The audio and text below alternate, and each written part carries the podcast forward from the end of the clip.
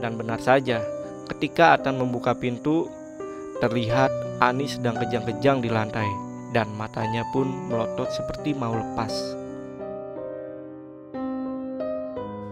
Ani hanya bisa terbujur di kamar. Badannya yang semakin kurus, ujung tangan dan kakinya yang kian hari kian membusuk.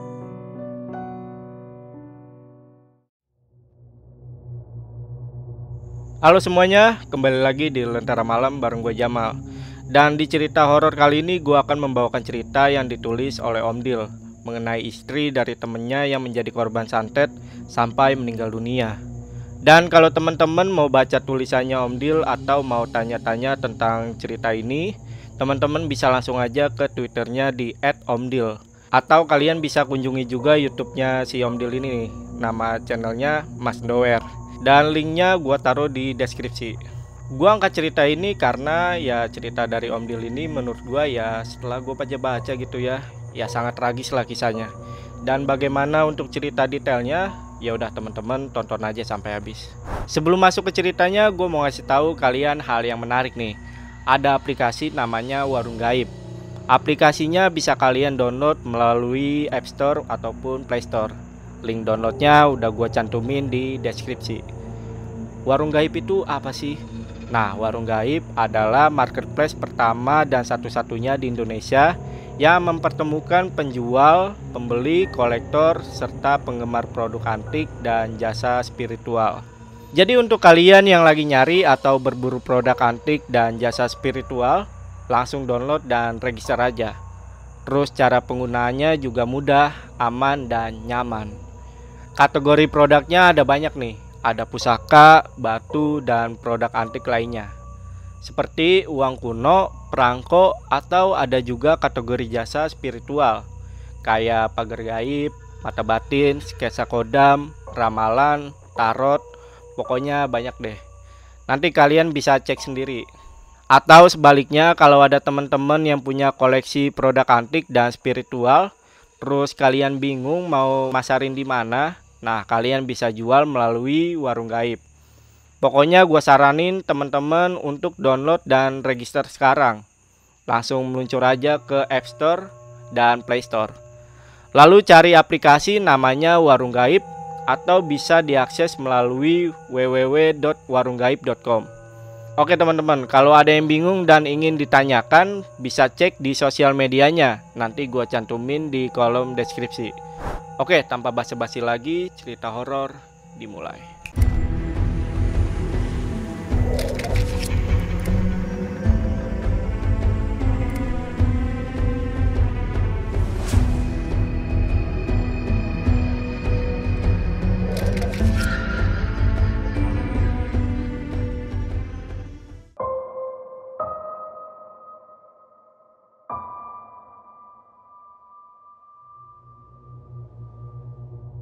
Cerita ini berlatar belakang di sekitaran lokasi daerah istimewa Yogyakarta, di mana terdapat satu keluarga yang sangat bahagia dan hidup dengan sederhana. Atan yang menjadi kepala rumah tangga ini mempunyai istri bernama Ani, seorang ibu muda yang ramah, kalem, soleha, wanita dengan karakteristik Jawanya yang sangat kental. Dan Atan juga dikaruniai seorang anak bernama Revan di suatu pagi, keluarga Atan ini berencana untuk pindah rumah ke kontrakan baru di sebuah desa. Karena sebelumnya, mereka tinggal di rumah orang tua Atan. Mungkin karena mereka ingin mandiri juga, atau sungkan kalau tinggal terus sama orang tuanya si Atan ini nih. Maka mereka memutuskan untuk pindah rumah. Hari ini jadi pindah kan mah? Jadi ya, ini sarapan dulu ya ya. Iya mah, bentar. Sekalian ini nanggung Ayah ikat dulu biar nanti kita tinggal berangkat. Usai sarapan, Atan dan istri langsung membawa perabotannya ke rumah kontrakan baru. Di sebuah dusun, mereka akan tinggal di sebuah rumah yang sederhana yang lumayan untuk dijadikan tempat tinggal. Dengan suasana desa yang terlihat damai dan tentram. Desa ini bisa dibilang termasuk kawasan padat penduduk karena banyak juga rumah-rumah besar dan megah Sesekali terlihat juga seseorang yang menyapu halaman rumah-rumah megah tersebut. Meskipun padat penduduk, terdapat sedikit keanehan di desa ini. Mereka melihat bahwa warga di sekitar sini itu tidak saling rukun. Karena para warga di sini tidak terlihat saling tegur sapa ketika berpapasan. Mungkin karena mereka orang-orang kaya, batin Atan dan Ani saat itu. Singkat cerita, Atan dan keluarga sudah menempati kontrakan barunya. Seminggu pertama mereka habiskan untuk bertamu ke rumah tetangga. Serawung, istilah Jawa yang berarti silaturahmi. Sebuah etika di mana saat menjadi warga baru di sebuah desa, mereka harus memperkenalkan diri satu persatu dari rumah ke rumah. Tidak terasa, sebulan mereka lalui, beberapa kejanggalan mulai mereka alami. Mulai dari setiap malam jam satu dini hari, mereka selalu mendengar suara seretan kaki di teras rumah, uang simpanan yang mendadak hilang, sampai teriakan histeris dari tetangga yang tiba-tiba menghilang begitu saja.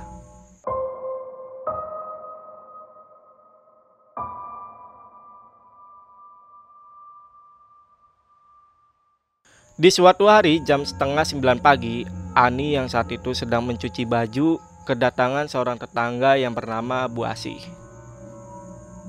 Permisi. Ya, tunggu sebentar. Oh Allah Bu Asih, silakan masuk Bu, monggo. Ah, nggak usah dek, ini cuma mau ngasih oleh-oleh, kemarin habis dari Malang. Mereka pun lanjut ngobrol. Ani yang teringat cuciannya lalu menghentikan obrolan dan Buasi pun langsung pulang. Semua masih terlihat wajar, tidak ada keraguan sedikit pun pada saat itu.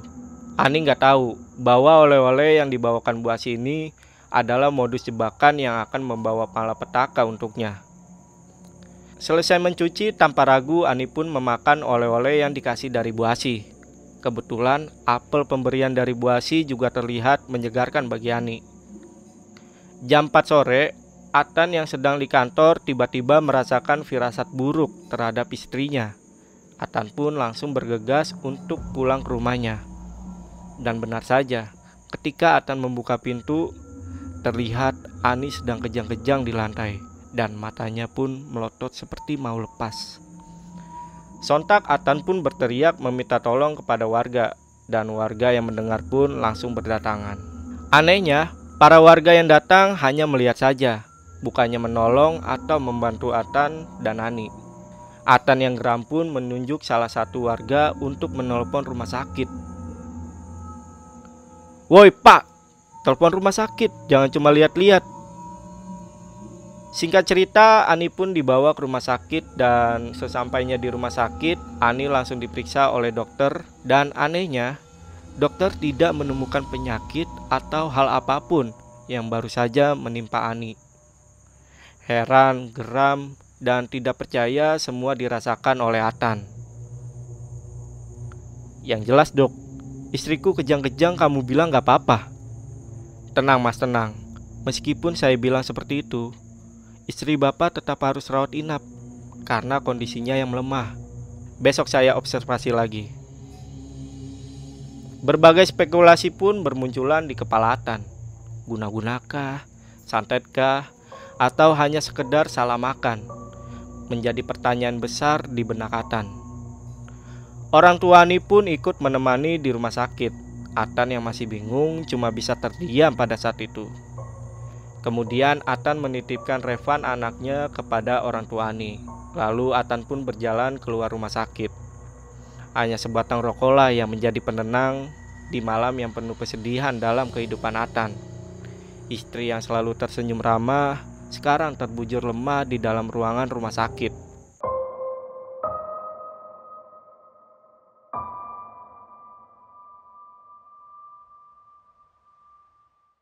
Seminggu berlalu, kesehatan Ani ini mulai membaik. Atan pun bergegas menyelesaikan administrasi rumah sakit serta membawa pulang Ani. Ada yang aneh dengan Ani ketika hendak masuk ke dalam rumah. Ani ini seperti orang yang ketakutan. Dia nggak mau masuk ke dalam rumah. Kenapa mah? Takut ya. Kalau kita ke tempat ibu dulu gimana? Seketika Atan paham bahwa kemarin ada yang ngerjain istrinya. Karena dalam seminggu memang Ani ini bungkam soal apa yang menimpanya. Atan pun bergegas membawa keluarganya kembali ke rumah orang tua Ani. Kamu belum bilang loh, Ma. Sebenarnya ada apa? Aku khawatir. Di pikiranku sudah yang aneh-aneh. Nanti aku cerita ya ya. Sekarang cepetan sampai rumah ibu dulu. Keburu capek. Jawab Ani sambil tersengal-sengal. Karena memang masih pucat wajah Ani kala itu. Sesampainya di rumah ibu, Ani pun menceritakan semua kejadian yang menimpanya. Tentang siapa dan mengapa semua ini bisa terjadi. Dan meskipun ragu, Ani tetap mengatakan spekulasinya. Bu Asi, rumahnya yang berjarak dua gang dari tempat kita. Kok aneh gitu ya? Ini ada yang gak beres nih. Dengan muka yang heran dan emosi, Atan meyakini bahwa ini disebabkan karena kejahilan gaib. Aku mau tanya orang pintar dulu mah. Mama jangan keluar rumah dulu sampai aku pulang. Sambil emosi dan terburu-buru, Atan pun mengendari motornya dengan kencang menuju rumah Mbak Jiwo.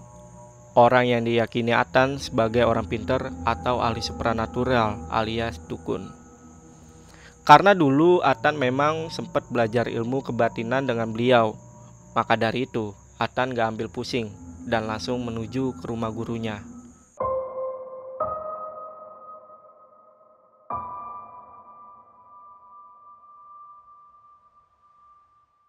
Sesampainya di depan teras rumah Mbak Jiwo, Atan pun terkejut karena ternyata Mbak Jiwo sudah menunggunya dengan raut wajah yang terlihat sedih.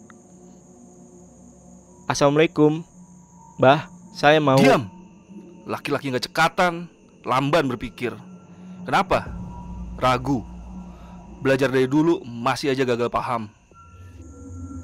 Ternyata tanpa Atan cerita, Mbak Jiwo sudah paham dengan apa yang sedang terjadi sama si Atan dan juga istrinya. Ada yang sedang mencari tumbal. Ngerti kamu? Jelas Mbak Jiwo kepada Atan sambil membakar rokok lintingannya. Atan yang sudah ketakutan atas keterlambatan langkah dan sikapnya hanya bisa menunduk dan gemetar. Tiba-tiba batin Atan terbesit nama Bu Asih. Heeh, Tawa yang menggelegar dan kencang ditutup dengan raut muka geram Mbah Jiwo. Atan yang merasa heran karena batinnya terbaca oleh Mbah Jiwo hanya tercengang menatap Mbah Jiwo.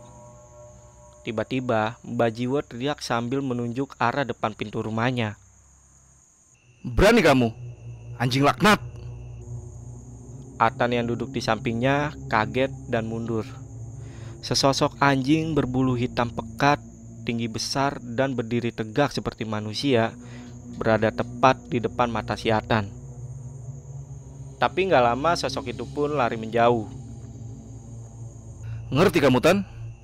Tadi itu adalah sosok yang mau memakan istrimu. Istrimu sudah jadi sasaran tumbal pesugihan tetanggamu. Asih. Aku harus gimana mbah? Aku nggak mau kalau harus kehilangan Ani. Terlambatan.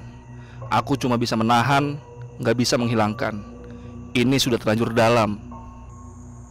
Atan yang sok hanya bisa meneteskan air mata. Penyesalan yang dalam sudah dia rasakan karena terlambatnya menyikapi situasi atas kejadian yang dialami istrinya.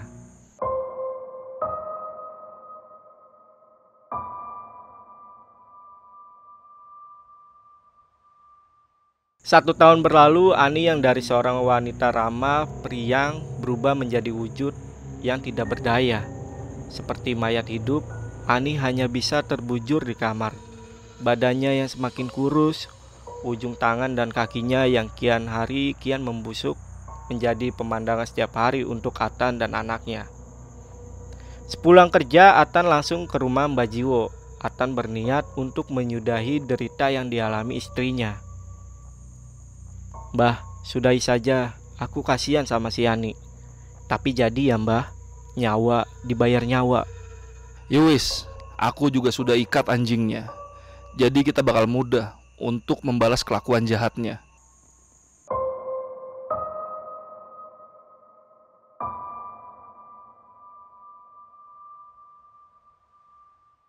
Esok harinya, Atan dan keluarga besar mengantarkan Ani ke peristirahatan yang terakhir.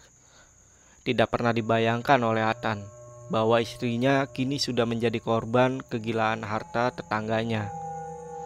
Gak lama dari pemakaman, Atan langsung ke rumah Mbak Jiwo. Berbagai macam ubur rampi atau sasaran ritual sudah dipersiapkan oleh Mbak Jiwo. Mereka pun memulai ritual. Sehari semalam suntuk, mereka tidak pindah dari posisi pertama duduk. Mbak Jiwo yang selalu bergumam, entah mantra apa yang ia ucapkan pada saat itu, Atan hanya disuruh untuk fokus menjaga lilin dan mengganti dupa ketika sudah habis. Dan gak boleh pergi dari lokasi.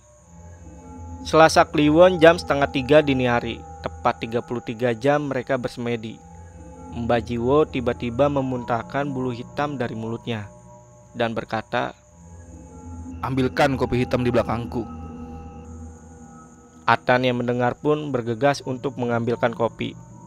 Kopi ini bukan untuk diminum, melainkan untuk disemburkan ke muka dan badan Atan. Sudah selesai, Nak. Nanti setelah subuh ikut aku ke sawah.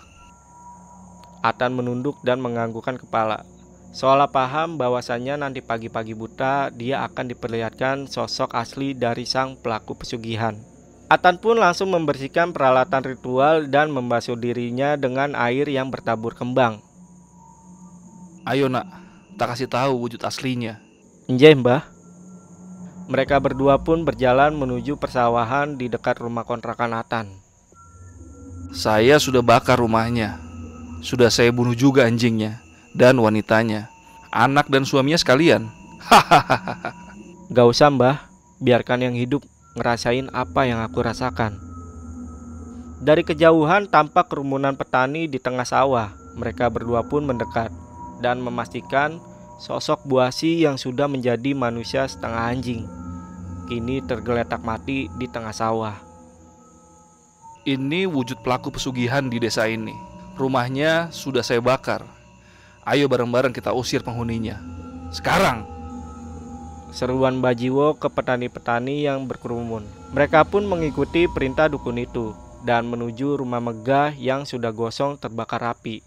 Suami dan anak-anak Buasi sudah berada di depan rumah. Mereka pun dipersekusi oleh para warga. Mereka dipukuli, diteriaki, dan diusir dari desa. Pergi kalian dari sini. Pelaku pesugihan tidak pantas tinggal di desa ini. Warga Buasi cuma bisa terdiam dan gak bergeming sedikit pun. Lalu keluarga Buasi berjalan menuju sawah dan membawa jasad ibunya yang sudah tidak berwujud manusia lagi pergi dari desa tersebut.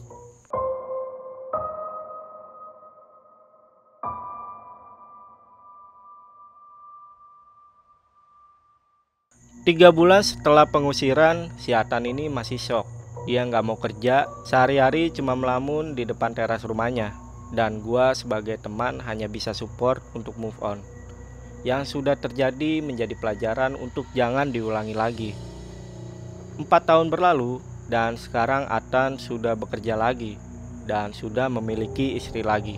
Dan sungguh nggak disangka, istrinya yang sekarang sangat mirip dengan Ani. Semua masih menjadi misteri dan gua nggak bisa ngulik lebih jauh soal kelanjutan keluarga Atan. Oke, itu tadi cerita yang gue bawakan untuk hari ini. Dan seperti biasa, kita akan mereview cerita yang gue bawain. Dan kalian bisa tulis di kolom komentar mengenai pendapat kalian.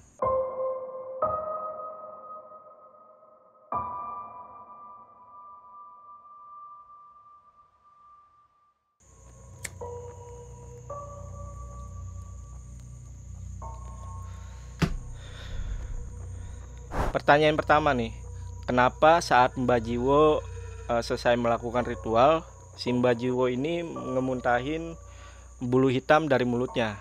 Apakah itu pertanda bahwa dia udah ngikat si Buasi atau ngebunuh Buasi atau ada hal lain?